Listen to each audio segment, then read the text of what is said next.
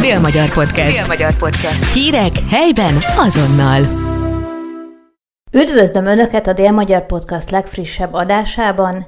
Én Hornyik Anna Viola, rádiószerkesztő vagyok. A következő percekben kérem hallgassák meg Kassai Istvánt, zongoraművészt. Ön, ha jól tudom, akkor hat évesen kezdett el zongorázni, és hét évesen már előadása is volt. Hogyan irányult a figyelme a zene iránt? Ez nem az én figyelmem volt a édesanyámé, meg hát a nagyszüleimé, mert egy úgymond polgári családban a gyereknek kell valamilyen hangszert tanulni, és hát ez a zongora volt. És hát hogy kezdünk zongorázni, tanulni? Hát akkor zongoratanárnőkkel felütötték a telefonkönyvet, és ez volt az első ilyen szerencse, vagy isteni, Isten újja, hogy hát végig a Csákvári Ilona tanárnőhöz jutottam el, aki végig egy liszt unoka, annyiban, hogy Akházi Gárolynál tanult, aki Liszt tanítvány volt, méghozzá nem is Budapesten, ugye a késő korszakban, hanem már Weimarban egy előző időszakban. Sose kérdeztük a korát, meg ő sem mondta el. Úgyhogy hát már hány éves, vagy illusni, hát ez 20 és 100 között.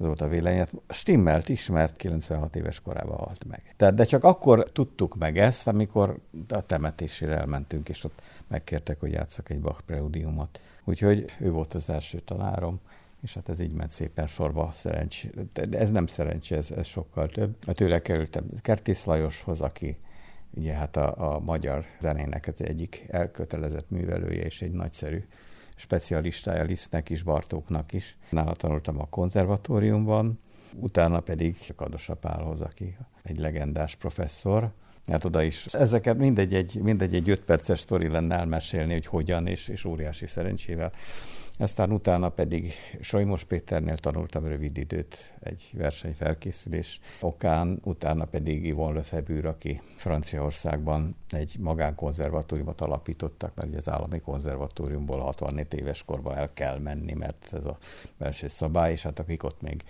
ugye hát erejük tejében lévő professzorok alapítottak egy külön konzervatóriumot, és ott, ott tanított, nála töltettem egy évet, úgyhogy ez egy nagyon nagyon szép és folyamatos és fölfelévelő korszak volt. Úgyhogy akkor nagyon jól éreztem magamat. Pedig hát mondjuk Franciaországban nem volt olyan egyszerű ösztöndíj nélkül kint létezni, de megérte, szóval minden megérte. Még visszakanyarodva egy kicsit a gyermekkorhoz, mert tíz évesen konzervatóriumba járt. Hogyan alakult a tehetségének a felfedezése, hiszen elég hamar kiderült, hogy ő nagyon tehetséges a zongora művészetben. Hát, ezt más mondja.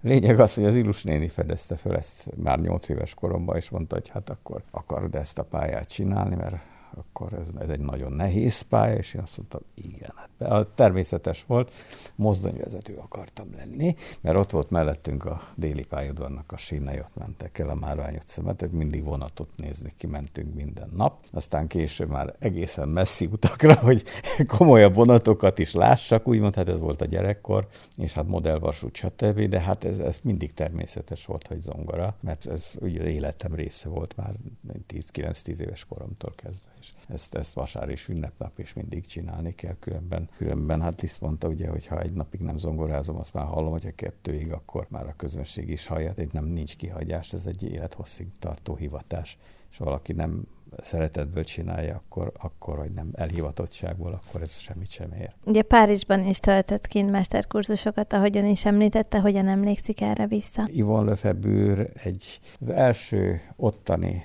megjelenésem Cifra Györgynek volt köszönhető, mert tulajdonképpen édesanyámnak meg a Ilusnénnek ez is még, még akkor az ő benyomásának, Cifra Györgynek a koncertjeinek, besti koncertjeinek a következményeként, tehát akkora egyéniség volt, aki hallotta beleszerelmesedett a játékába, és hát ez természetesen mindenki, aki zenész, ez varázs alá került egy egyetlen koncert kapcsán is. Hozzá kell kimenni, és, és hát hogy, hogy a csudába és akkor írt, írtam egy levelet, Kados a tanártól kértem, hát azt mondja, cifra engem utál. Na de cifra György tehát kiment, és a helyi hivatalosságokkal nem volt jóba. Főkörse Fischer Annival, aki hát a Fischer Anniról tudott, hogy hát akkor benne volt azon kevesek közé tartozik egy kezemen az, az sok az az öt új, amin meg lehet számolni, akik, és hát ő bizony bizony nem makados a tanár úr volt, és bizony furta a kollégáit, ez, ez köztudott volt róla, nem mondok el újdonságot. Tehát minden nagyszerű művészeti, unikális zongorista volt, de ő nem ebből nem makulátlanul került ki. Különösen a Fischer Annival volt nem szimpatikus, annak hogy szakmailag tisztelte, és, és a, a cifra róla nyilatkozott, hogy egy nagyon nagy zongorista, de viszont emberileg nem, nem jöttek össze a legkevésbé, mert ő bizony legalábbis cifra úgy fogta föl, hogy őt furta.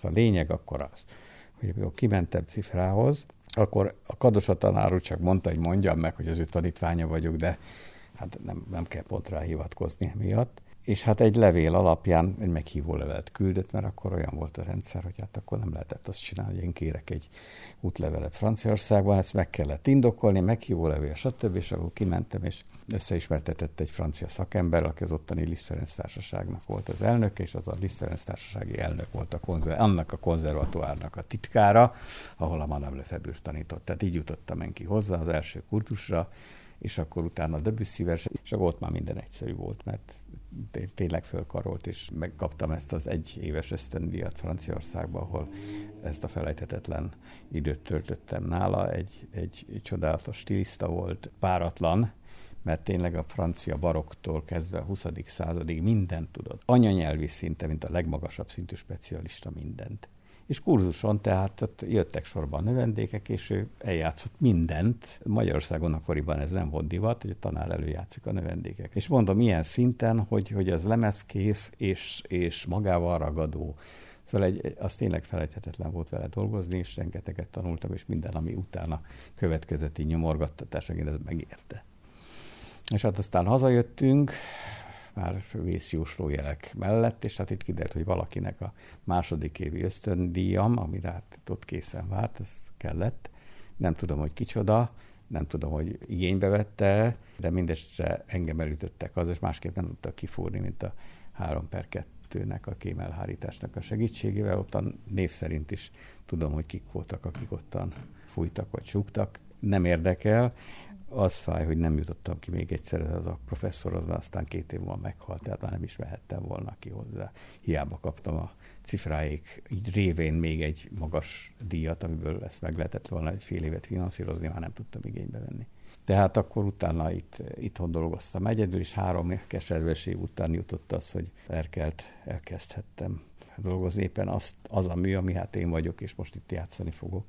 Ez a bizonyos csel variáció amit hát a Széchenyi könyvtárban megtaláltam. Két külön kotta volt, egy zongoraötös, befejezetlen zongoraötös, egy töredék, és egy másik egy zongora, ami szintén töredék. Tehát adagio és presto, egy shell variáció. És azt megtanultam az egyik felét, természetesen a zongoraművet, a finálét, és hát aztán megnéztem a másikat is részletesebben, mert az, az használatatlan, de hogy használatatlan, kidolgozott zongoraszólam, variációs sorozatnak az első három a bevezetés téma három változat, és utána a másik, a zongoramű, az az adagio, lassú variáció és a finálé és hát ez Erkelnek a legjelentősebb hangszeres műve, ami hát kiadatlan máig, és egy több mint negyed órás koncertdarab. Olyan manualitást kíván, mint Liszt művek, tehát egy, bemutatja egyrészt azt, hogy Erkel mennyire tudott zongorázni, milyen lett volna, hogyha a zongoraművekre specializálódik, és milyen zongora virtuózként futatta volna a pályát, hogyha nincsen éppen az a kapcsolatrendszere, ami arra predestinálja, hogy hát itt a Nemzeti Színházban egy színházi ember legyen, és így hát sokkal jobban járt szerintem Magyarország, hogy ezt csinálta. Fantasztikus munkabírással, akaraterővel és tehetséggel, mint amit kilenc opera és magyar himnusz és koncertzenekar megalapítása, kórus egyesület megalapítása, zeneakadémia megalapítása, és még hát legjobb sankózó Magyarországon, szóval nagyon-nagyon sok mindent csinált, amit máig sem tudunk elég értékelni, csak tényleg mostanában kezd már nyilvánvalóvá válni, hogy mit érnek a művei, de hát sokkal. Erkel Magyarország számára valóban egy zenei brand lehetne, fel lehetne építeni. Annyira eddig nem éltünk vele, nem tudom, hogy nem késő már, hogy ezt megték, de szerintem sose késő, mert az érték mindig érték marad, és amit a nemzetközi zenekritikáktól kapott az újabb lemezei kapcsán, az szerintem tényleg megéri azt, hogy ebbe munkát, energiát fektessen a magyar zenei élet. Tehát az Erkel, Erkel ügy volt egy, egy Magyarországon kezdődött, aztán a Prunyi Ilonától kaptam egy lehetőséget, hogy az Ernest Bloch műveiből fölvegyek egy csokrot, nem, az, nem a csokrot, a szokásos buldog szívóságom és a laposságok, akkor megcsinálom az összes zongoraművet. Hát nem egy CD lett, hanem kettő, nem olyan borzasztó nagy dolog. Nem is voltam borzasztó hosszú munka, mert összesen fél év alatt megtanultam az egészet. Mindenesetre akkor meg, megkérdezte a ottani kiadó, hogy hát mit szeretnék csinálni a továbbiakban, és akkor mondtam neked, mit Erkelt, aztán Mosonyit. Az egész magyar zene történetet úgy nagyjából felsoroltam, még odáig hátra van, de egyébként megcsináltam mindent. Tehát nem közmondás, de közszájon. Tehát az ember 20 éves korában eltervez, abból él egész életében, ez nálam bevált. Úgyhogy szépen megcsináltam a Erkelt, aztán, aztán Mosonyi Mihály, aztán Weiner Leót, aztán Hubai Jenőt, a Szecsődi Ferivel, akit itt Szegeden közismert, közkedvelt és közmegbecsült tanára az egyetemnek és hát egy nagyszerű hegedűs, és aztán jött tovább a, ami, amiket töredék dolgokat megcsináltattam még. Úgyhogy hát tulajdonképpen az én életművem már készen volt 40, 48 éves koromban, szóval ami, ami utána jön, az már a Jóisten ajándéka, hogy ezt megtehettem. Milyen volt együtt dolgozni Szecsődi Ferenccel, hiszen mégiscsak Szegeden vagyunk? Igen, hát amikor elkezdtük, akkor ő kért meg engem. Bocsánat, én úgy ismertem meg, hogy a Cifra Alapítvány egy vigadós gála estjén ott voltam és hallottam őt hegedülni. Tehát tudtam, hogy milyen, és, és milyen hegedűs, és mit tud csinálni mire képes, és akkor megkért, hogy egy, kb. egy, egy időben volt, hogy megtaláltam az Erkel Diobriant is, egy nagy duót, amit Vilt, Henri Viltam, a egy hatalmas belgiumi, Belgiumban működő nem tudom, hogy most tényleg vallon, vagy pedig francia hegedűművész, tényleg abszolút tekintélyes, és ma is játszák a műveit, hegedűsök, és népszerűek, és ő ott a brüsszeli konzervatárnak volt a, úgymond a professzora. Ő, amikor 16 éves volt, idejött koncertezni Pestre, és ki más kísérette volna, mint az itten egy kiváló zongorista és nemzetközi minden Erkel Ferenc, és értek egy közös művet, amit hát most már teljesen biztos, hogy ugye Erkel adta az a tematikát, meg a zongora szólamot, és Viltan pedig megírta a hegedű szólamot. Ez egy csodálatos darab, egy lisztrapszódiai előtti lisztrapszódia, nagyszerű, formás, brilliáns, mind a két hangszernek baromi nehéz, úgyhogy nem is nagyon játszák éppen miatt. Ezt csinálhattuk meg végül is együtt, és erre Feri kért meg, mert valami jogi differencia miatt ez a lemeze, lemezfelvétel nem lett használható, amit csináltak előzőleg, és hát ezt megcsináltuk együtt, ez a Nagy Magyar Hegedűs Iskola a Hungarotonnál, és utána ennek folyamányaként volt az az Erkel lemez, amit csináltuk a Naxosnál. Tehát ez volt az első, ez még 90 előtti időszak És akkor utána hát ezt folytatni kellene, ugye a Nagy Magyar Hegedűs Iskola, természetesen Hubai van benne. Hubai, aki szintén ugye Viőtannak az utóda lett, mert valahogy ugye a dolgok csatlakoznak egymáshoz. Hubai, aki Viőtan javaslatára megkapta Viőtan posztját, halála után a brüsszeli konzervatóriumban. Ugye ő hazajött, és itt megalapította valóban nagy magyar hegedűs iskolát, a Huba iskolát a Zeneakadémián, az ő műveit kellene fölvenni végre, mert hatalmas anyag, tehát 200 mű, és hát próbáljuk meg elkezdeni. És akkor elkezdtük, jeleztem a Hungarotonnak, 94-től ráérünk, 94-től tényleg ráértünk, és 97-től, bocsánat, 94-ben kérdezték meg, hogy mikor tudjuk megcsinálni, 97-ben ráérünk, mind a ketten már akkor már csinálhatjuk. 97-től elkezdtük, és 2007-ben volt az utolsó felvétel. Tehát ez 11 éves projekt volt, iszonyat munka, nem gondolta, azt hittem ledaráljuk négy év alatt, de hát ez ez nem tudom miféle álom, hát végül is kiderült, hogy 13 CD lett, tényleg a szóló művészekkor vállalkozást nem csinált Magyarországon, és Fecsődi egy fantasztikus, hát kivállalta volna azt, hogy Szegedről minden lemez nagyjából 12 próbára följön Pestre, hát kétszer körbeérte volna a földet, annyit utazott Szeged és Budapest között végül is. De azt hiszem, hogy ez, ez, ez a sorozat egy tényleg jó sikerült, referencia lehet, hát aztán valószínűleg senki sem fogja megcsinálni, mert ez egy tényleg egy több éves hatalmas munkának a eredménye, bármilyen gyorsan tanul egy hegedűs, ezt lehetetlenség rövidebb idő alatt megtanulni és lejátszani. Úgyhogy ez volt a mi közös munkánk. Pont jókor fejeztem be, már akkor kezdődött egy másik ilyen hullámvölgy az életemben. Mi nem emlékszik vissza a legszívesebben a pályafutása során? Hát ez a cseh variáció, amit hogy meg, megtalál az ember egy ekkora és ilyen jelentős rüvet. Tehát ez, akkor megláttam a kottát, hogy jé, ez ugyanaz. Hát nem tudom, hogy milyen, hogy egy asszony gyereket szül és meglátja először a bébit. Hát körülbelül, körülbelül ilyen lehetett egy eufória ez föltétlenül az, hogyha egy nagy buzsikussal együtt játszik az ember, az, az, egy, egy fantasztikus dolog, hogy mindig, hogyha összekerülek egy ilyen nagyon nagy egyénességgel, az, az egy csoda, és akkor azt mondja az ember, hogy ezt a, ezt a szakmát, ezt érdemes megcsinálni, és akkor fölfedez az ember, megjelenik a lemez, egy nagyon szép dolog, de akkor már azt gondolják, hogy ez egy nagyon nagy dolog. Hát kevésbé, akkor általában túl van rajta, más csinál, nagyjából egy év a lemez megjelenésének az átfutása, tehát leadják a mastert, a hanglemez kiadónak, akkor egy év az átfutása általában, úgyhogy akkor már rég túl van az ember rajta, de természetesen, hogyha megjelenik. Legnagyobb öröm az ember pályafutása, amikor van egy jó sikerült produkció, és akkor tényleg az ember nem utána, hanem közben, meg, meg közvetlenül, miután befejeztem a produkciót, az általában jól az aztán megint egy másik dolog, hogy az ember úgy érzi, nagyon jó volt a koncert, meghallgatja Jézus Mária, meg azt, hogy az ember nagyon rosszul érzi magát, és egy izzadságszagos, mit tudom én, és meghallgatja, hát ez ilyen jó volt. Ember nem is tudja magát eh, megítélni teljesen. Sőt, még a zenei rendező, ugye Acél Péter, aki most már 80, mikor csináltuk az első, 87 óta vele dolgozom szinte kizárólag, ő is olyan, hogy hát felvettük a Húbai szonátát a Ferivel, nehéz szülés volt, mert baromi nehéz a darab, és úgy nehezen tekinti át az ember, és akkor hall valamit a rádióban egy fél, hogy jaj, de jó játszák ezek, és akkor mi játszottuk. Úgyhogy még, még, a, még aki vele dolgozott, és összevágta, és foglalkozott vele sokat, mert nagy-nagy munka az utómunka, még azt se tudja tán elértékelni abban a pillanatban, elkészült, hogy ez valóban egy milyen produkció. Úgyhogy hát az ember tényleg ilyen pillanatoktól a legjobb, és hát a legjobb pillanat, tehát amikor az István királyt bemutattuk a valival. A Tenor 2 voltam egy, vannak sámánok, és vannak táltosok, ugye táltos a tenor, a sámán, a basszus, hát én altáltos voltam, tenor 2, és ott énekeltem a tenor tuttiba, nem maradhattam ki belőle persze, első kórus szereplésem, és hát azóta is a kórusabban, hogyha bennem benne voltak, egy, soha nem, ezért nem mert 50 éves koromban énekeltem először kórusban, és tényleg, hogyha valaki zenélni szeretne, most innen szeretném rá beszélni, hogy vegyen részt a kórus, egy közösség, szeretetteljes közösség, a kórus másképp nem lehet énekelni, és egy olyan élményt ad, amit heti két órába, két heti két órába, ami, ami hát tényleg gazdagabbá és szebbé teszi az életet. Úgyhogy ez volt a legszebb dolog, hogy ezt a művet végig kísérthettem a megvalósulás folyamatán, tehát a kottát megkaptam Mémata Vadétól 91-be, odaadtam a Valinak 98-ba, aztán megcsináltuk 2010-be, tehát ez nem volt annyira egyszerű, és egy évig tartó előkészület zenekari anyag.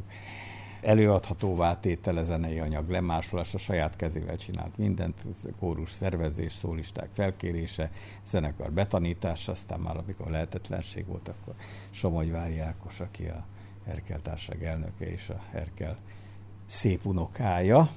Ő, ő volt a karvezető és egy rendező kollégával ezt megcsináltuk végül is, ezt családi vállalkozásban. És hát a lemez most is megvan, úgyhogy ez az első és máig egyetlen olyan Erkel opera, amit úgy játszottak el azzal a szándékkal, hogy úgy hangozon el, ahogy a szerző megírta. Azóta se volt ilyen, és addig se volt ilyen. Úgyhogy erre tényleg büszke vagyok, és örülök rá, hogy megcsináltam, és nagyon szép dolog volt, hogy végig kísérhettem. Úgyhogy nem, nem az én produkcióm, hanem, hanem ilyen családi együttműködés, mert mindenki benne volt a családban.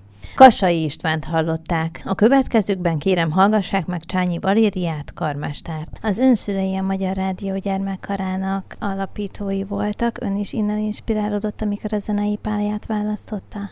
Igen, tulajdonképpen nagy hatással volt rám az, hogy a szüleim zenészek, és hát biztos, hogy ettől is származik ez a dolog, hogy, hogy zenében éltünk állandóan, és én kiskoromtól kezdve tanultam zongorázni, énekeltem a kórusba is, és akkor ez így teljesen automatikusan valahogy nem érdekelt semmi más.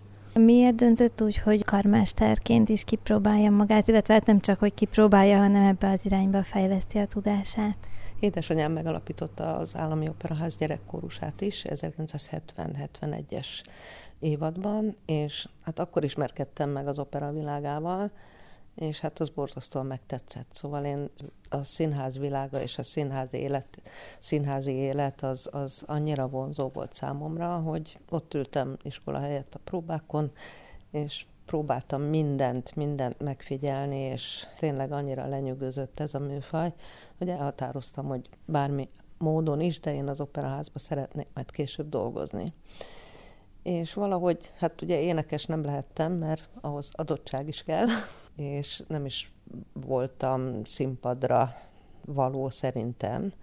tehát így a színészi meg az énekesi képességek azok nem nagyon voltak adottak, viszont, viszont a karmester mindig elvarázsolt, hogy mit tud egy zenekarból kihozni, és a zenekari hangzás. És valahogy innen adódott az, hogy hú, de jó lenne ezt kipróbálni. És eszembe se jutott, hogy mondjuk nőként esetleg nem úgy néznek rám, mint a férfi karmesterekre, hanem egyszerűen az volt, hogy hát ezt én is tudnám csinálni. És ha már itt tartunk a női kérdésnél, akkor érzette valami megkülönböztetést bármikor is a pályája során, pusztán abból a tényből fakadóan, hogy a nő? Hát sajnos volt ilyen egy-két zenekari tagnál, amikor így kellemetlen beszólások történtek a próbák alatt, de többnyire azért nem, nem volt veszélyes ez a helyzet, főleg azért nem az operában nagyon keveset próbálhattam. Tehát ott próba nélkül álltam az első előadásomba is, úgyhogy így átvettem a darabokat más karmesterektől, és aztán később, mikor balettet is vezényeltem, akkor már próbáltam többet, de amúgy meg az opera előadásokra nagyon kevés próba volt. És ön Lukács Ervinnél is tanult. Milyen volt együtt dolgozni a mesterrel? Én Kórodi Andrásnál kezdtem. Nála tanultam két évet, és akkor ő elment sajnos, és Lukács Ervin vette át. Mindenkitől mást lehetett megtanulni. Tehát az Ervintől a, technikát az fantasztikusan megtanította mindenkinek, és nagyon ragaszkodott ahhoz a technikához, amit ő magáénak érzett, és amit ő kitalált. Egy valami nem szerettem volna megcsinálni, és az, az, az neki nagyon nem tetszett.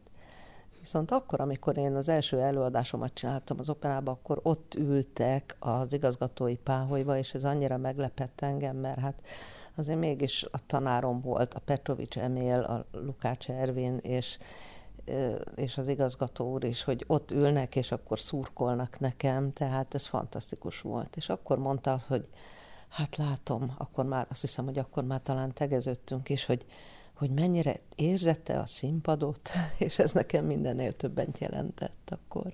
És milyen a különbség egy balettet vezényelni és egy operát? Elég sok.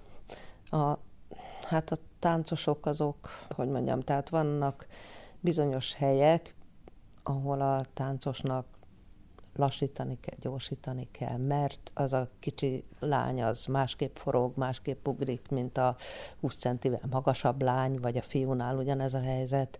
És hát sajnos ezek a balettzenék, ezek úgy vannak megírva, hogy szinte azt, azt mondanánk a mai szóval, hogy alkalmazott zenék mert hogy olyan zenék, amiknél ezt meg lehet tenni. Hát Prokofjevnél nem lehet megtenni, tehát a Rómeónál nem lehet megtenni. Például, hát a diótörőnél sajnos megtesszük időnként, de, de hát ez is a koreográfiától is függ. Úgyhogy, úgyhogy sajnos egészen más, ugyanis a zenekari tag az énekest hallja. Hallja a zenekari tag, hogy az énekes lemarad, vagy siet, vagy bármi történik, de a táncost azt nem látja csak azt érzékeli, hogy ez a karmester már megint nem tud tempóban vezényelni. Én meg ugye látom, hogy szerencsétlen le van maradva, vagy előrébb van, és akkor utána kell menni. Úgyhogy nem egyszerű a balett, az sokkal nehezebb szerintem, mint az opera. Önnek számos külföldi lehetősége is adódott, például Ausztriában, Svédországban is. Hogyan adódtak ezek a lehetőségek? Svédországban érdekes módon jutottam ki, mert cigánybáró előadás volt az Erke Színházban, és jöttek a svéd Strauss zenekartól, és megkerestek engem az előadás végén. Aztán kiderült, hogy már az előző napi előadást is megnézték, és akkor úgy döntöttek, hogy meghívnak engem egy újévi koncertre, egy Strauss, olyan, mint a, ugye a Bécsi újévi koncertek nyomán, ott is csinál egy Strauss zenekar ilyen újévi koncerteket, és akkor meghívtak aztán ebből az lett, hogy tíz alkalommal voltam ott a Strauss zenekarnál, úgyhogy ez egy tényleg egy számomra mindig egy, egy nagy élmény volt Stockholmban dolgozni. És melyik az a vezénylés, amire a legszívesebben emlékszik vissza? Júj. hát nekem a legnagyobb élményem az a egyrészt a Prokofiev Rómeó és Júlia, a másik meg a Meyerling balett, aminek megcsinálhattam a premierjét, és volt egy érdekes szituáció, amikor az operazenekar nem ért rá, és a MÁV zenekart kaptuk egy turnéhoz Szentpöltenbe, és a MÁV zenekar ugye koncertzenekar. tíz próbát kaptam tőlük, mert elég nehéznek ítélték meg ezt a darabot, és rettentő jól kidolgoztuk, és fantasztikusan megszólalt ez az előadás ott Szentpöltenben, és ez számomra olyan volt, mondom, hát ha én most meghalok, akkor is már megérte, mert ez annyira fantasztikus volt.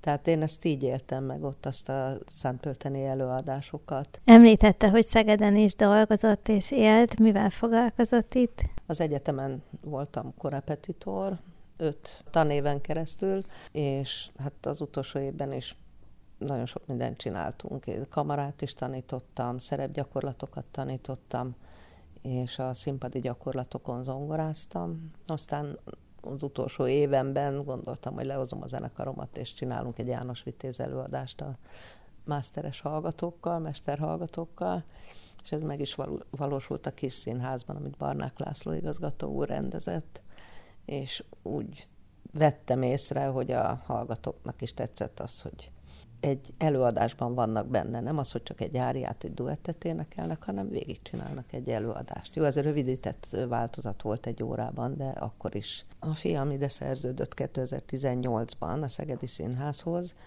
és teljesen véletlenül én is akkor kaptam lehetőséget Temesi Mária tanszékvezető asszonytól, hogy a az egyetemen taníthassak, és én addig nem jártam még soha Szegeden, mindig tervem volt, hogy, hogy annyi szépet hallottam erről a városról, és a Gregóriuskával, és annyit dolgoztam együtt, és meg akartam ismerni más Szegedet, de hát annyira elfoglalt voltam én is, meg hogy három gyerek, meg család, meg munka, és valahogy egész véletlenül akkor a kisfiam is ide szerződött, és az első utam az akkor volt vezetett Szegedre, amikor őt leköltöztettem. Már hogy egy részét a Holmiának itt a Szegedi Színház előtt megálltunk, és öt perccel a társulati ülés előtt pakoltunk ki. Úgyhogy ez volt az első utam Szegedre, és hát öt, öt évig voltam itt. És most is Szegeden vagyunk. Mivel készültek most? Hát most a férjem Kasa István, ő, ő zongoraművész, és gyakorlatilag ez az ő estje lesz. És hát most úgy szerette volna ugye a műsorvezetőnk, hogy, hogy mind a kettőnkről szó essen egy kicsit a műsorban, és hát ezért négyközesezni is fogunk. Hiába mondtam, hogy nem vagyok zongorista, még egy szóló darabot is bevállaltam, de hát azt majd meglátjuk, hogy milyen sikerrel és a Magyar Állami Operaházból van-e valamilyen kedves emléke? Hát szinte minden előadás.